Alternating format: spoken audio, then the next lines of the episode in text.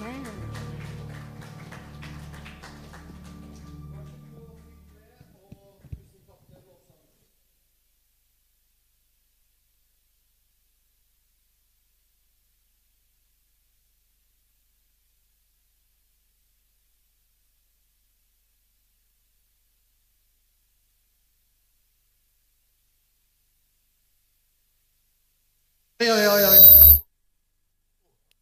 Når det kommer, vet du, så kommer det ordentlig. Det er bra. I går var det altså ei vekkelsessamling, desent på Telenor Arena. Nesten 10 000 mennesker var samla fra mange ulike kristne, eh, kristne organisasjoner og menighetssammenhenger. Fantastisk for å inspirere mennesker til å signe opp i livet sitt på å tjene Gud. Så det er fantastisk. Jeg tror på beslutninger, jeg tror på å ta bestemmelser og si det at vet du noe, jeg ønsker å gjøre noe med livet mitt. Jeg hørte jeg snakka med en far her på fredagskvelden. Eh, sønnen hans er nå evangelist og reiser rundt eh, på mange plasser. Men faren fortalte at sønnen hadde bestemt seg som elleveåring på at han skulle bli evangelist. Og Foreldra prøvde så godt de kunne, for han hadde toppkarakterer på skolen. Så de prøvde så godt de kunne å lure han til heller å bli ingeniør eller noe. Men de klarte ikke å lure han. og jeg tenker at Det er noe som er så fantastisk og så hellig når barn beslutter seg for noe. Og jeg tror det at eh, mange beslutninger ble tatt også på Telenor Arena i går.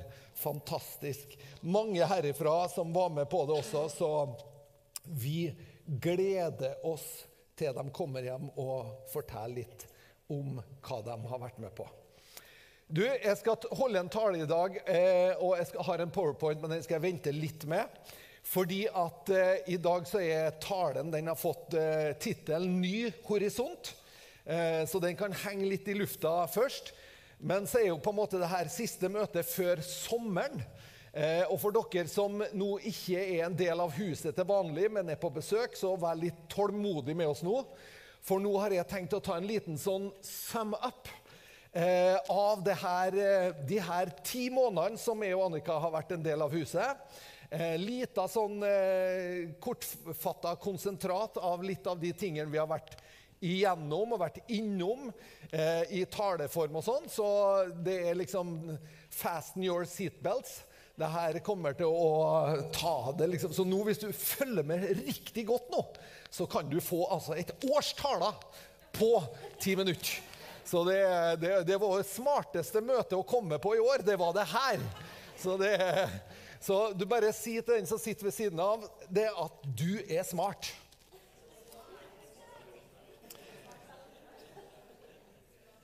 Jeg tror at eh, det er jo alltid sånn Og så tenker jeg også litt sånn at eh, nå De var jo veldig spent her i kirka. da, og for dere, Bare for å gi dere litt, dere som er her og ikke helt skjønner hvorfor jeg snakker sånn, så jeg er altså ny pastor.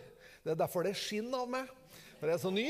Eh, at Ny pastor i huset, og så er det jo alltid sånn at da er det litt sånn spennende. Hvordan, hvordan høres de ut, de her? Hvordan oppfører de seg? Hvordan er det? Og masse ting som er spennende. Eh, og nå kjenner de oss, nå vet de hvem vi er, i hvert fall litt mer. Og har blitt litt kjent med oss og har hørt lyden av oss det her året. Så, så for dere som ikke visste det, så byr vi på den. Så det er spennende. Vi har ønska og hatt et fokus som vi retter utover. Så ut har vært et sånt stikkord for oss, i hvert fall for meg og Annika. Eh, at vi trenger som kirke å sette fokuset ut døren, ut i byen, ut til mennesker rundt oss. Derfor så begynte vi ganske tidlig med en prekenserie som heter 'Bygg et hjem i Babylon'. Eh, som gikk på nettopp det å våge å være helhjerta til stede på de ulike arenaene der vi beveger oss. I våre kollegier, i, på våre arbeidsplasser, der vi er studenter, og vær og våg en helhjerta kristen i de sammenhengene. Og også å være på en måte eh, til stede på en positiv måte. Eh, og være på en måte litt sånn frimodig i forhold til det med tro også. Det at det å være en troende, det å på en måte kunne se alt det som rører seg i verden, uten at vi blir nervøse, men med at vi kan bære troa inn i de settingene som vi er en del av. Og Derfor så har vi også snakka om bortebane, hjemmebane. Bortebane, hjemmebane. Vi kristne vi trives veldig godt på hjemmebane. Vi syns det er nydelig når vi får lov å komme inn i kirka, lukke dørene og prise Gud. Da er vi skikkelig på hjemmebane. Da er det sånn at da trives vi. for det. Og, og her synes vi alle sammen nesten det samme. Og da blir det så trygt og godt. sant? For her vet, vet omtrent hva vi står for. Det er omtrent det samme, kanskje noen variasjoner. Sant? Men da er det så trygt og godt, og derfor så trives vi så godt på hjemmebane. Men Gud trenger noen som våger å spille på bortebane òg. Noen som tåler lyden av bortepublikummet. Noen som tåler å stille seg på en arena der vi kanskje ikke er alltid så velkommen, men vi trenger å ha en frimodig tro som våger å spille på bortebane. Og da hadde vi også vi hadde Paulus fra Aten som forbilde, der vi så på hvordan Paulus eh, kom til Aten og ble egentlig frustrert over det han så i Aten, for det var så mye gudebilder. var så mye, eh, De tilba alle mulige guder. så Det var liksom voldsomt for Paulus. Så det hele starta med at Paulus han ble opprørt i sin ånd. Og Noen ganger så kan vi føle på det at vet du, nå går verden av hengslene. Nå er det så mye som skjer som er så merkelig for oss at vi kan føle vet du, nå og da er den største fristelsen for oss det er på en måte å melde oss ut. Og si at 'det her, det gidder ikke lenger'. Det her gir vi opp. Men så ser vi at Paulus han snur sin frustrasjon.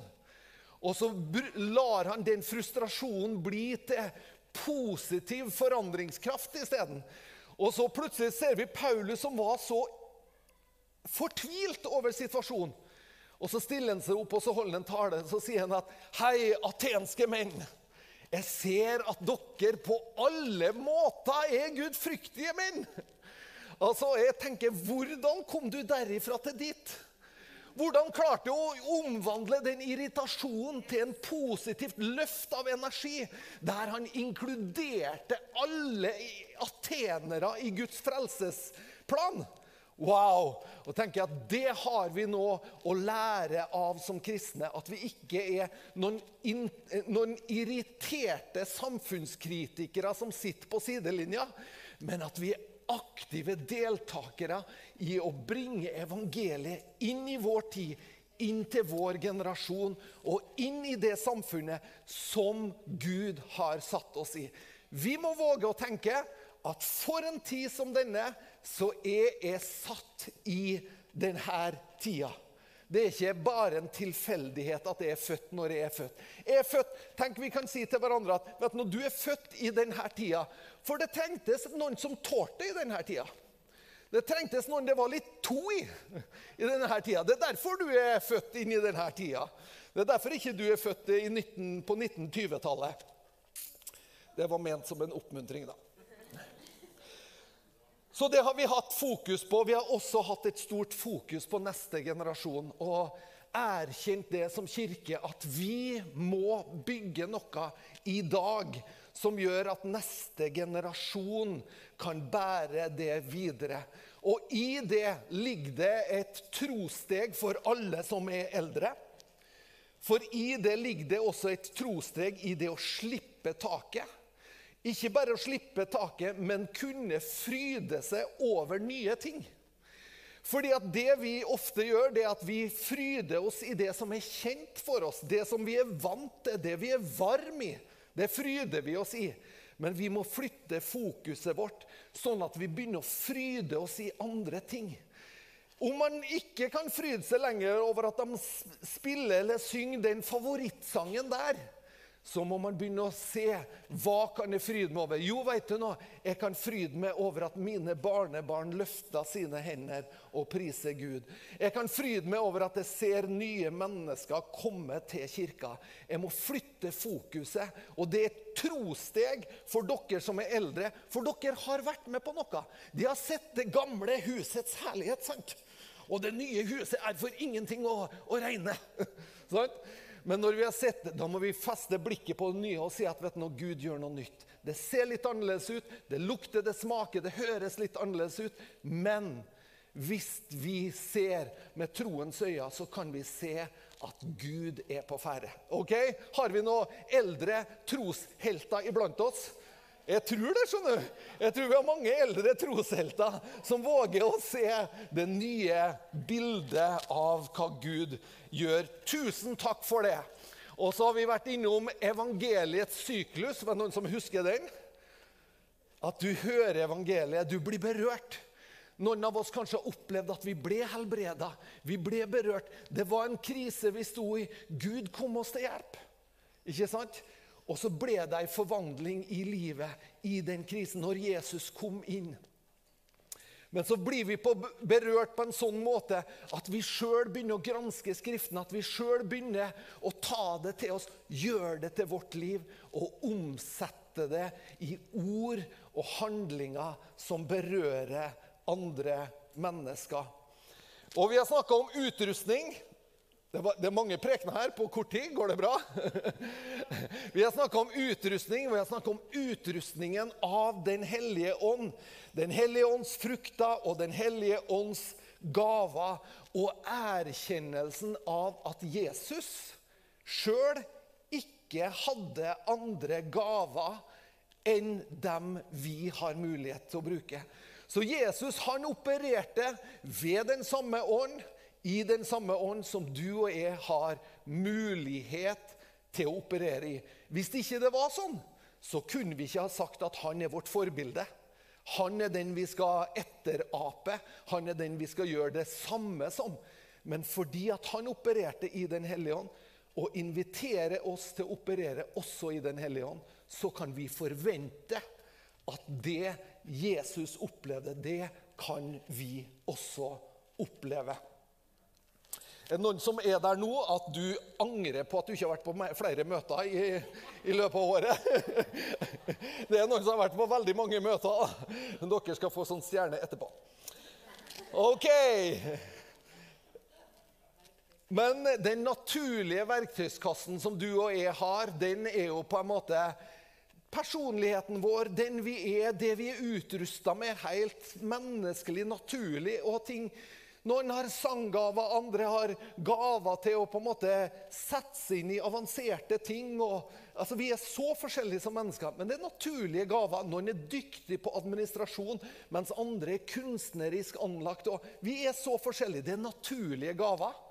Og så I tillegg til dem så har vi lært at vi har noen power tools, som er Den hellige ånds gaver. Som også er på en måte Han går sammen med oss, og han gir oss hjelp til det vi trenger når vi står i ulike situasjoner. Vi har snakka om ordet. Vi hadde en eh, preken her for ikke så lenge siden om det å bygge et korthus. Og det å bygge et liv som ikke er bygd på ordet. Det å bygge noe som lett rives ned, for det har ikke fast grunnvoll. Ikke sant? Så snakka vi om det å bygge et korthus, og vi var inne på Esra og Nehemja og den eh, samfunnsreformasjonen som skjedde etter at Nehemja hadde leda arbeidet med å bygge opp by, bymuren rundt Jerusalem. Og hvordan de tenkte at skal dette være noe som varer for generasjoner nå, så må vi gjeninnsette ordets autoritet. Da må vi bygge også ikke bare denne muren rundt byen, men midt inne i byen så bygger vi en plattform der ordet kan få lov å forkynnes. Var ikke det nydelig? Og så står det at da ga det dem kraft, og det ga dem mot til å gjenreise samfunnet.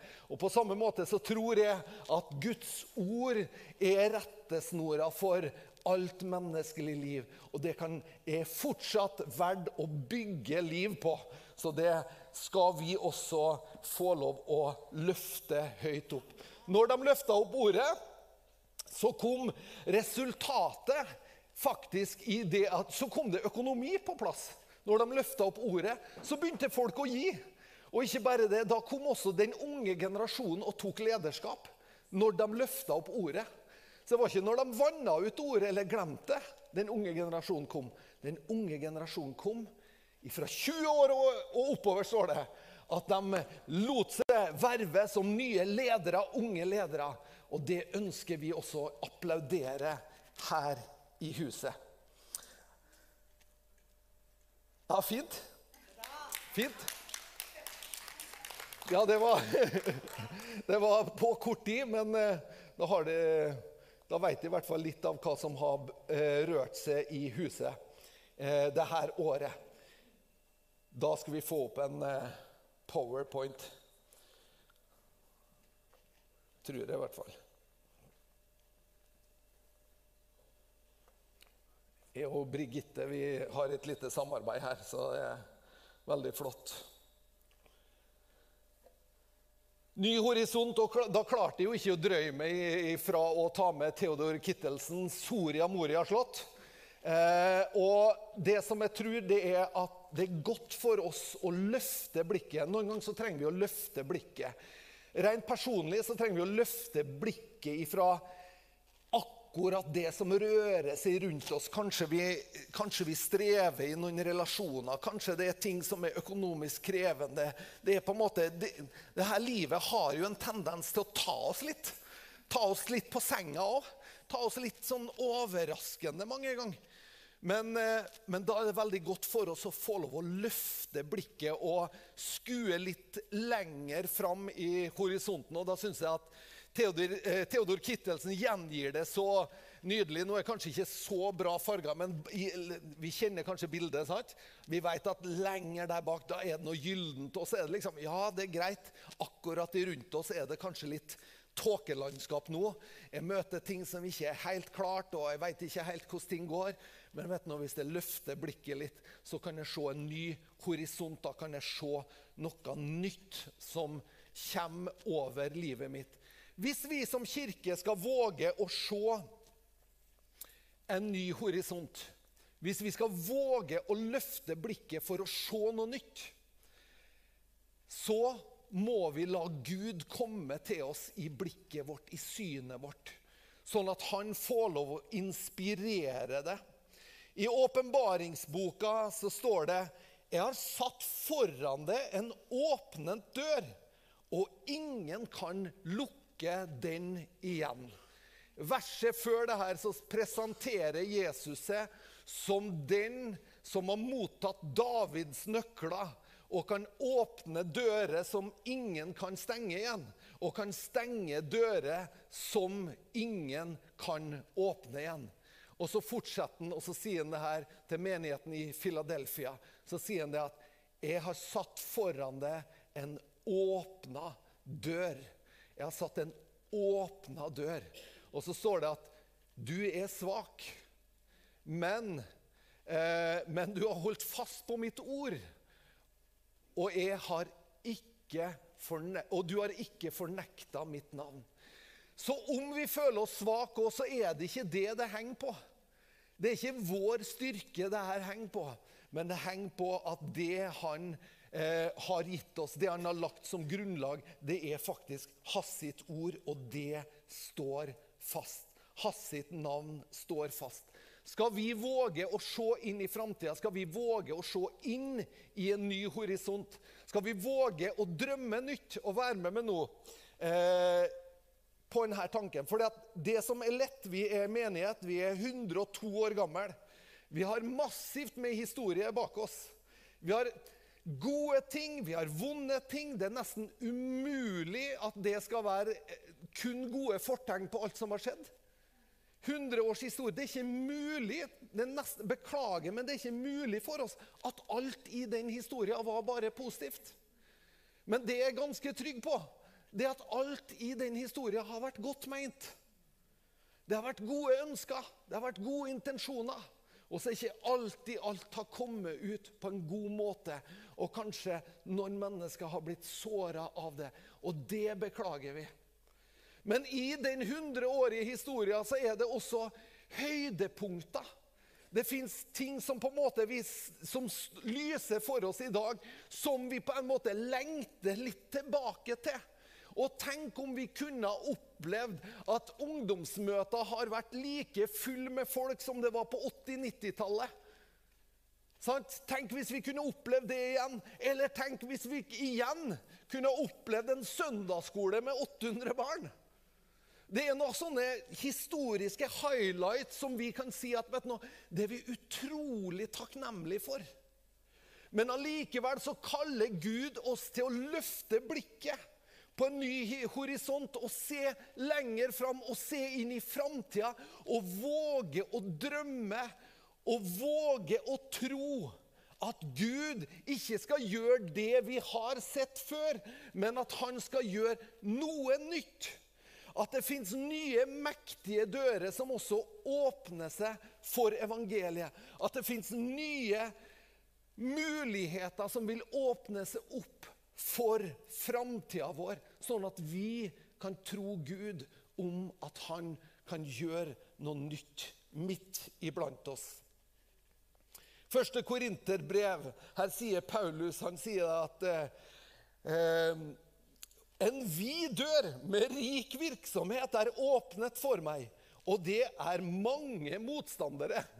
Det er liksom den her dobbeltheten som vi alltid har. Det er liksom, Du er svak. Det er en mektig dør, men du er svak.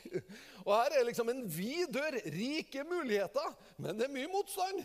Altså, Den dobbeltheten har vi alltid i det å tjene Gud. For vi har en liten vi, hvis vi er helt ærlige, og, og, og Raimond snakker om vekkelse, og vi liksom Å, det var tider, det. ikke sant? Og så drømmer vi oss inn i de tidene. Og, og så tenker vi at alt var rosenrødt. Men det var jo ikke det. Det var jo mye motstand òg. Det var på en måte mange ting som var, som var, som var krevende. Jeg husker jeg besøkte vekkelsen i Brownsville, Pensacola, eh, når den sto på eh, 95 96, 96 var vi der og besøkte En fantastisk opplevelse som rørte oss djupt i våre hjerter.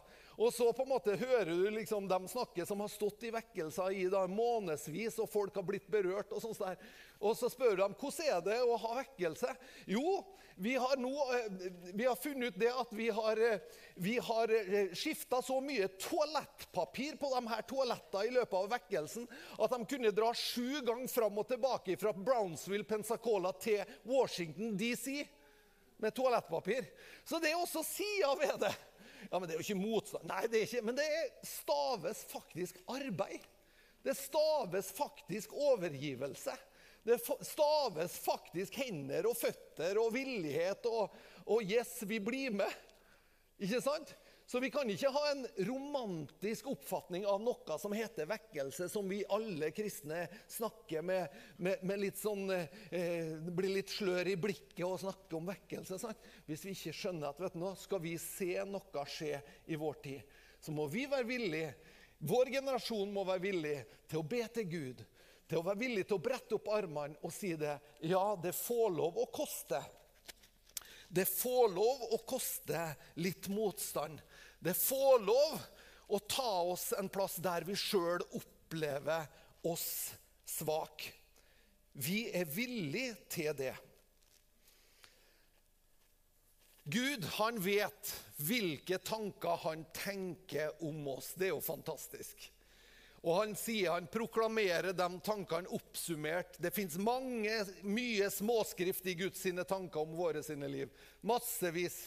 Og det ser annerledes ut for det enn hva det ser for meg. Masse spennende ting i Guds tanker. Og det står at han har lagt sine tanker ned i våre hjerter. Sant? Men oppsummert så er Guds tanker framtid og håp. Det er oppsummert. Det er på en måte det jeg kan si om dere alle det på en måte jeg kan inkludere dere alle i, det er at når det gjelder mine framtidstanker for dere, så oppsummeres de i framtid og håp. Det er håpefullt, det er framtidsberettiga. Det har et løft i seg. Det har ikke en nedtur i framtida, men det har et løft i seg. For det som har framtid i seg, det har også kraft til å overleve. Har det ikke det? Det er kraft til å reise seg over og bli noe mer. Så når Gud proklamerer det her, så er det på en måte godt for oss. Tanker til fred og ikke til det onde. Jeg vil gi dere fremtid og håp. Løft blikket, se horisonten. Ikke la blikket ditt eh, festes for hardt på akkurat den motstand du står i i dag. Men våg å tro Gud. Våg å se Hans ord og se at Han kaller det til en morgendag som er rik og spennende. Skal vi, Betel Trondheim, skal vi se ei ny tid? Så er det tre ting jeg har lyst til å be denne menigheten om. Det er tre ting. Og den første tingen jeg ønsker å be om, er frivillighet. En menighet kan aldri baseres på ansatte. Det er veldig lett å tenke det at ja, men vi har jo noen ansatte som tar hånd om det. Det er jo noen som er ansatte i kirka. De, kanskje de løser det her ansatte i kirka skal tilrettelegge. Frivillighet bygger alltid kirka. Sånn har det alltid vært. Frivillighet bygger kirka.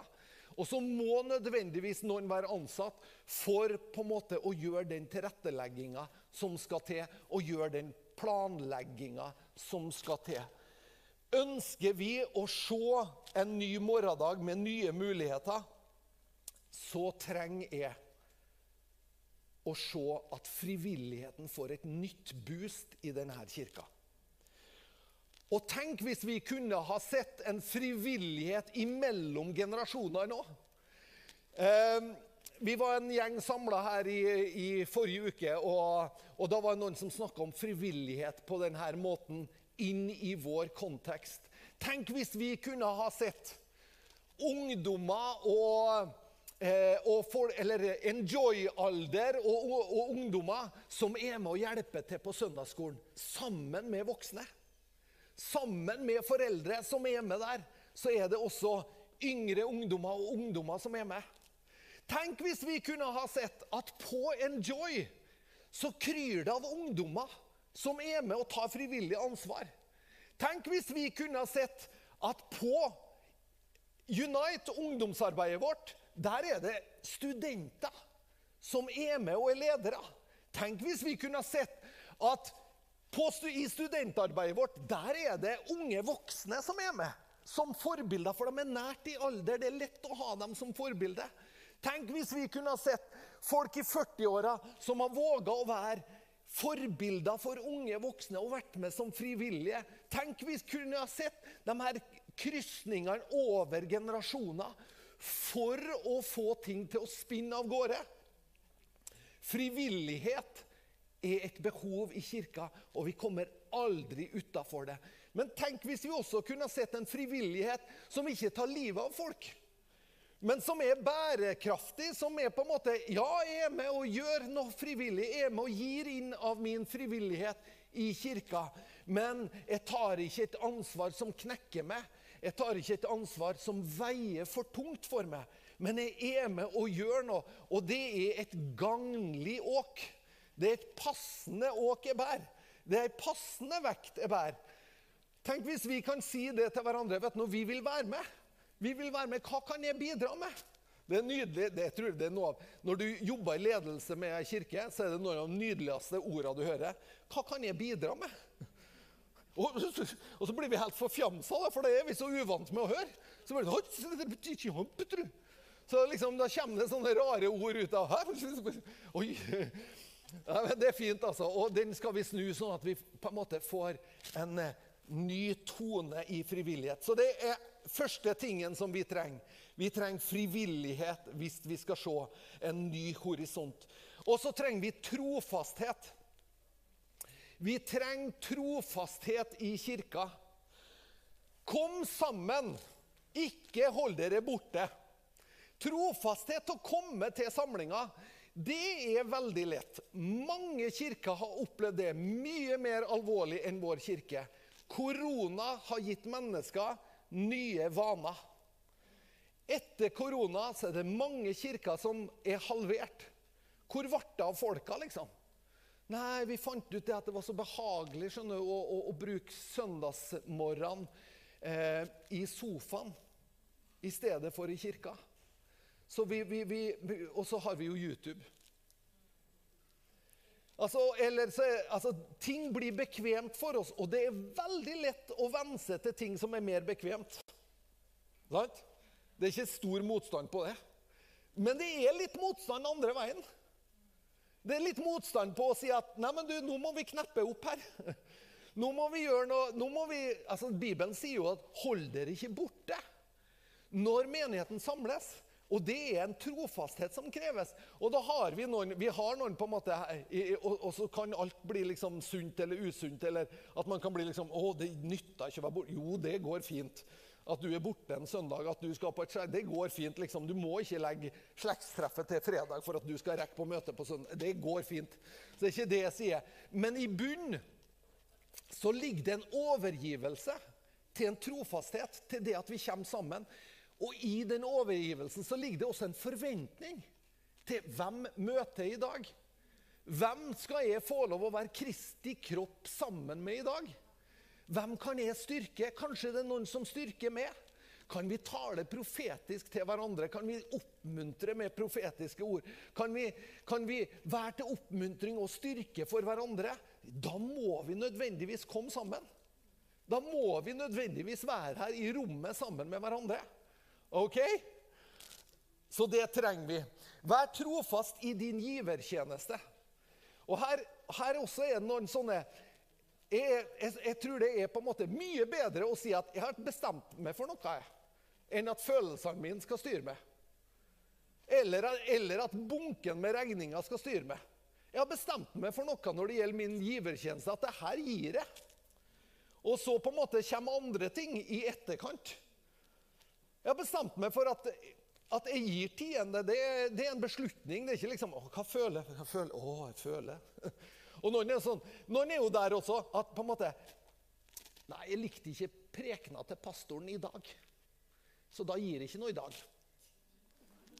Altså, vi flirer, vi. Men, men det, det, er fryktelig mye sånn. Frykt, ikke her, nei. Nei, nå, nei, nei, nei, nei. Nå snakker vi om på Hamar. Eller Lillehammer. Det er jo ikke her. Ingen ville jo tenkt sånn her, nei. Kjære tid. Nei, nei, nei, det er andre plasser. Men jeg har hørt om folk som tenker sånn. Jeg er litt, er litt sur på pastoren nå, så nå, og da drar, jeg, da drar jeg bremsen på. Da vil jeg ikke være med å gi lenger. Ok? Så da tenker vi plutselig at tienden ikke er Herren sin, det er min, da. Den er min sånn at jeg gjør, jeg gjør For det er jo det som skjer. Den er ikke din i det hele tatt. Den hører Herren til. Det, sånn tenker jeg, da. Og så er det helt i orden å være uenig med meg, men eh, sant? Nå er jeg som har mikrofon. Det er jo min fordel, da. OK? Og vær, beslutt, Be, vær, eh, vær besluttsom i ting du ønsker å være trofast på. Følelsene vil ikke alltid være der. Jeg snakka med et ektepar. da hadde de vært 17 17 år i frivillig arbeid med ungdommer. De har hatt eh, et arbeid fra 10 til 13 i 17 år, hver fredagskveld i 17 år. Og så var det litt som det lugga litt etter 17 år. Så hun, kona hun spurte mannen sin ah, må vi det her, da. Må vi det her? Det her er jo, det, det er jo hver, hver, fredag. Og, og så er ikke noe Heidi og Kristian snakker om. Eh, men eh, det kunne da like gjerne vært. Så sier mannen til henne at eh, ja, men det er jo det her vi vil. Det er jo det her vi har bestemt oss for. Det er det her vi vil. Og så begynner de å tenke ja, den, det var alltid tøft å dra dit. Alltid litt motstand liksom, når alle andre sitter med tacoen hjemme og fyrer opp en fredagskveld og slår på liksom Lindmo og tjoa hei. Og så må du på et ungdomsarbeid som eh, det kryr av tenåringer, og det er litt sånn uoversiktlig og sånn. Men så er du den som sitter med relasjonene. Du er den som sitter med relasjonene. Du er den som får besøk når de får sitt første barn. Du er den som har putta frivillighet inn og øser ut igjen av relasjoner som varer. Å være delaktig fordi at man er besluttsom på sin frivillighet. Gjestfrihet. Og der har jeg bare tatt med to punkt. Men det er en ting vi trenger hvis vi skal se at denne kirka vokser. Hvis vi skal se en ny horisont for denne kirka, så er det umulig å gjøre uten gjestfrihet. Det er umulig. Kan like gjerne, da kan vi like gjerne kalle det en lukka klubb, liksom. Og gjestfrihet det kan du stave med to ord. Inkludering og invitering. Det å være gjestfri ja, Og så ser vi gjestfri, ja, da har vi duka til fest, og det er hjemme, og vi er invitert, akkurat liksom Annika sier. Det er gjestfrihet. Nei, gjestfrihet er å sitte nede her rundt et kafébord og gjøre plass til en til. Det er gjestfrihet. Det er å si 'Hei, Sverre, kom og sett deg.' 'Hei, Linda, kom du.' 'Ja, men vi har plass her.' Sånn? Gjestfrihet er å løfte blikket og se dem som ingen andre snakker med. Og inkludere og invitere dem til bordet. Det er gjestfrihet. Det er enkelt. Gjestfrihet er enkelt å løfte blikket. Sveip over rommet. Er det noen her jeg trenger å inkludere? Er det noen her Og du kan bare stille deg spørsmålet er det noen her jeg ikke kjenner. Er det noen her jeg aldri har snakka med? Er det noen her jeg trenger på en måte å se? Det betyr ikke at du ikke skal få lov å ha venner som du har hatt eh, for evig i menigheten. Men hvis det er us four and no more, da er det vanskelig i hvert fall å bygge en menighet. Ja, men du skjønner at vi har vært, vi har vært venner vi siden 60-tallet. Og det er mange sånne her i kirka. Eller vi har vært, Og vi kom sammen vi på, på 80-tallet. Så vi kan de her gimmicksene fra 80-tallet. Vi er nødt til å åpne opp. Vi er nødt til å være gjestfri som kirke. Du må tenke at mennesker er spennende. Og det tenker jeg vet jo, Hamar, sant? Vi snakker Hamar fortsatt. Så vi vet jo at det, det, er liksom der.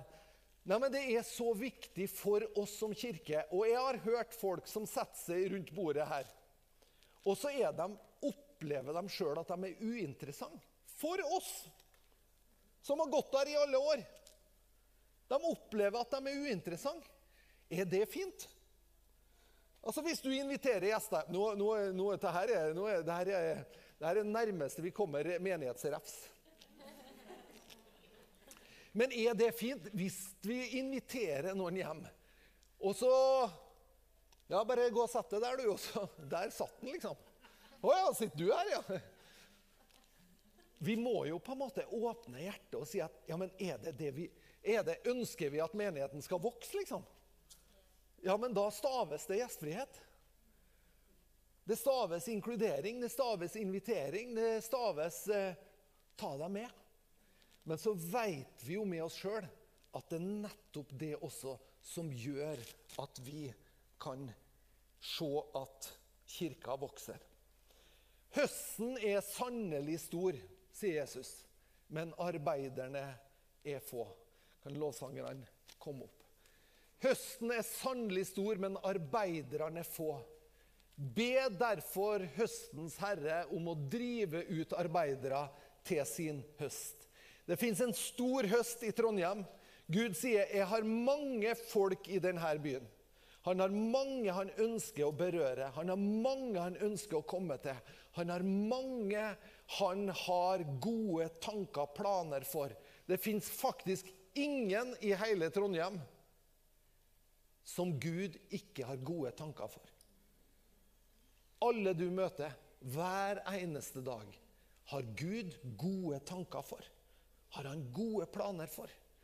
Han trenger at noen våger å sette dem i kontakt med han, sånn at de kan få del av de planene. Skal vi som kirke våge å løfte blikket vårt skal vi våge å si som Jesus Se, høsten er allerede moden. Som kristne så skubber vi alltid høsten foran oss. Det er tre måneder, Dere sier det er tre måneder til høsten. Er, alle kristne gjør det. Det er alltid tre måneder. Det er, alltid, det er aldri kjempelenge, men det er, alltid, det er alltid tre måneder. Det er alltid litt lenge. Det skal ikke skje nå. Det, da. En predikant jeg kjenner han sa når jeg kom til tro, så fikk jeg høre at vekkelsen var rett i rundt hjørnet. Og etter 15 år i tjeneste sa han det er det lengste hjørnet jeg har sett. Men vi må våge å si det kan skje i dag. Skal vi stå opp sammen?